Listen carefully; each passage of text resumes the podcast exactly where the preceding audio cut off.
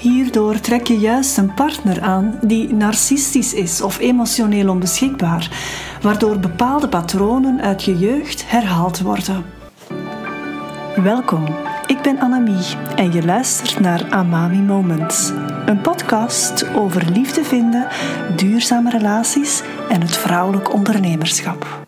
Fijn dat jij luistert. Het is alom geweten dat de eerste fase van je leven en de manier waarop je je toen gehecht hebt van belang is voor de relatievorming in de rest van je leven.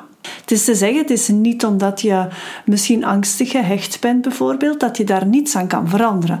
Maar die verandering zal niet gebeuren als je niet bewust bent van de manier waarop dat je gehecht bent en de patronen die geïnstalleerd zijn in je vroege kinderjaren. Hechting is één zaak, maar hoe dat, dat zich uit in relaties die je in je leven aangaat, dat is nog iets anders. Want niet iedereen uit op dezelfde manier, de manier waarop hij gehecht is. Bij personen met een angstige of een vermijdende hechting komt er alleen codependent gedrag aan te pas. Dit wil zeggen dat je zodanig aanpassingsgedrag gaat vertonen waarbij je onbewust de wensen en de verlangens van de ander voor je eigen behoeften in de relatie gaat stellen. Vaak doe je dat om goedkeuring te krijgen of om bevestigd te worden of om gewaardeerd te worden, om ja, je gevoel van eigenwaarde te vergroten. Het gevolg is echter dat je op lange termijn afhankelijk zal worden van de ander om gewaardeerd, erkend of bevestigd te worden in wie je bent. Je raakt als het ware jezelf kwijt. En dit uit zich niet alleen in liefdesrelaties, dit kan zich ook uiten in vriendschappen of in een relatie met je kinderen of zelfs met collega's. Vaak ligt codependentie aan de basis van een burn-out of van stressklachten. De kunst is om codependentie bij jezelf te leren herkennen. Ik zelf had het pas door door therapie te volgen nadat mijn vorige relatie stuk gelopen was.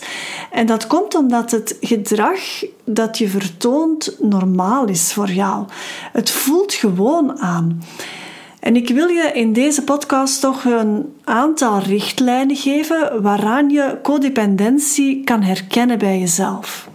Ten eerste, je gaat gemakkelijk pleasen. Pleasen is iets dat er zo snel inslaapt. Um, je gaat, eh, het is altijd gericht op bevestiging krijgen, op goedkeuring, op gewaardeerd worden. En het gaat ook heel vaak gepaard met moeilijk nee kunnen zeggen. En het komt voort vanuit het feit ook dat je moeite hebt om je grenzen aan te geven. Het is zelfs soms al moeilijk om te weten wat jouw grens is. Je bent zo gericht op de ander en op wat de ander belangrijk vindt of goed vindt of wat die behoeften zijn, dat je je eigen grens volledig voelt vervagen. Wat hier heel vaak mee gepaard gaat, is een overdreven aanwezigheid van schuldgevoel. Je gaat voortdurend uh, moeten vechten met dat schuldgevoel. Je gaat ook honderdduizend keer sorry zeggen, terwijl dat je niks fout doet.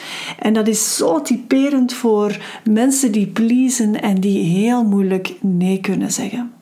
Een andere richtlijn is dat je heel goed voelt wat anderen nodig hebben, wat hun noden zijn, wat hun behoeften zijn. Maar je hebt niet altijd, uh, ja, je bent je niet altijd bewust van wat je zelf nodig hebt of wat je eigen behoeften zijn. En vaak wijst dat op het feit dat de verbinding met jezelf volledig zoek is. Je vindt jezelf vaak ook niet goed genoeg en je lat ligt hoog, wat zich veelal uit in een vorm van extreem perfectionisme. En je gaat liever ook confrontaties uit de weg. En dat conflictvermijdende is vaak ook wel wat verbonden met dus een beetje die grenzeloosheid die je hebt, moeilijk nee kunnen zeggen, dat pleasend gedrag. Uh, vaak gaat dat wel wat hand in hand.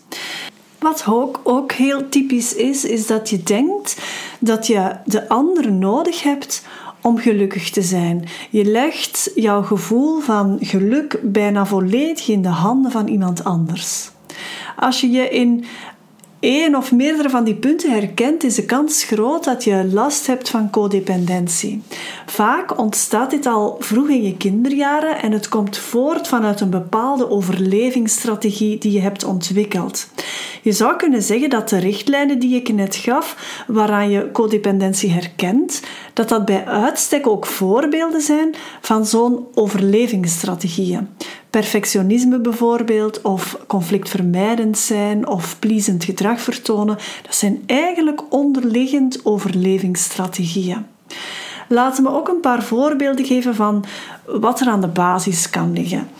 Bijvoorbeeld als je te weinig aandacht um, hebt gehad voor je eigen gevoelens, je eigen emoties en je behoeften als kind. Dat kan zijn omdat je misschien heel veel broers of zussen had en jij was de oudste en je moest heel veel voor je broers en zussen zorgen. Of je had een zieke ouder bijvoorbeeld, waardoor er heel veel op je schouders kwam en je eigenlijk geen kind mocht zijn. Of je genoot een strenge opvoeding waar geen of weinig plaats was voor emoties. Dat zijn vaak echte voedingsbodems om later in jouw leven codependent gedrag te vertonen. Het is dus door die ervaringen in jouw kindertijd die ervoor gezorgd hebben dat jij die overlevingsstrategieën bent gaan ontwikkelen.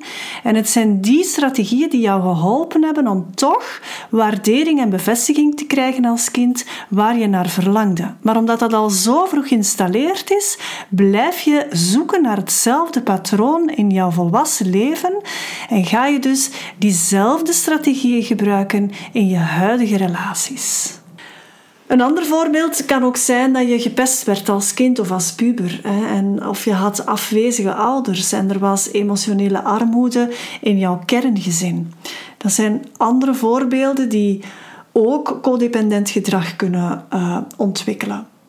Ik nodig je vooral uit om bewuster te worden, om op die manier te begrijpen dat dit niet het einde van de wereld is. Bewustwording is altijd het begin van verandering. Vooral in liefdesrelaties gaat codependentie een probleem vormen. Iemand met codependentie voelt vaak ja, voelt zich vaak eenzaam of leeg en hoopt die leegte of die eenzaamheid te kunnen oplossen door in een relatie te gaan met iemand anders die die leegte dan kan wegnemen. En hierdoor trek je juist een partner aan die narcistisch is of emotioneel onbeschikbaar, waardoor bepaalde patronen uit je jeugd herhaald worden. Ik nodig je uit om heel observerend te gaan kijken naar jezelf om vast te stellen of je al dan niet de neiging hebt tot codependent gedrag. Nu, het belangrijkste is wat je kan doen om codependentie te verminderen of daar toch wat ja, niet alleen bewust van te worden, maar er ook iets aan te doen. En eerst en vooral is dat je grenzen leren kennen en ze ook aangeven. En ze blijven respecteren voor jezelf. Want het is niet genoeg om eens ene keer een grens aan te geven. Je moet dat blijven volhouden. En dat is niet altijd gemakkelijk, want vaak is jouw omgeving daar, ja, daar niet gewoon van jou. Ten tweede, ten tweede is het goed om een gezonde relatie op te bouwen met jouw medemens. Dus ehm, dat wil ook zeggen dat je ongezonde relaties gaat moeten loslaten. En dat kan alleen als je een gevoel van eigenwaarde en eigenliefde opbouwt, waarbij je je kwetsbaar kan tonen zonder dat je grenzeloos bent, waarbij je verantwoordelijkheid draagt voor je eigen denken, voor je eigen gedrag, um, maar waarbij je ook bijvoorbeeld een hulplijn inschakelt als dat nodig is. En waarbij je echt gaat ontdekken wie je bent, los van je patronen en je pijn, los van de ander zelfs. En daarom is het zo belangrijk om te blijven investeren in persoonlijke groei, om hierin te blijven evolueren. Besef ook dat dit een proces is waar je stap voor stap in leert. Het is niet omdat je vandaag beseft dat je codependent gedrag vertoont, dat dat morgen plots gedaan is. Dat gaat stap voor stap. Dat is niet altijd gemakkelijk, want ik zei het al, je, je, je, je voelt je daar vaak comfortabel bij, maar door bewust te worden begin je te beseffen dat dat eigenlijk niet meer oké is. Dus het is stap voor stap dat je daar verandering in brengt. Denk even aan een bepaalde relatie waarin je misschien wat afhankelijk gedrag hebt getoond of moeilijk een grens kon stellen of wat conflictvermijdend was. En stel je dan de vraag wat jij vandaag zou kunnen veranderen in jezelf, zodat je meer in je kracht kan staan in die relatie. En dit soort oefening is vaak de basis van de grootste bewustzijnsgroei. Je kijkt neutraal naar je eigen gedrag, zonder te oordelen of te veroordelen. En zo ontdek je welke rol bepaalde relaties in jouw leven voor jouw bewustzijnsgroei kunnen betekenen.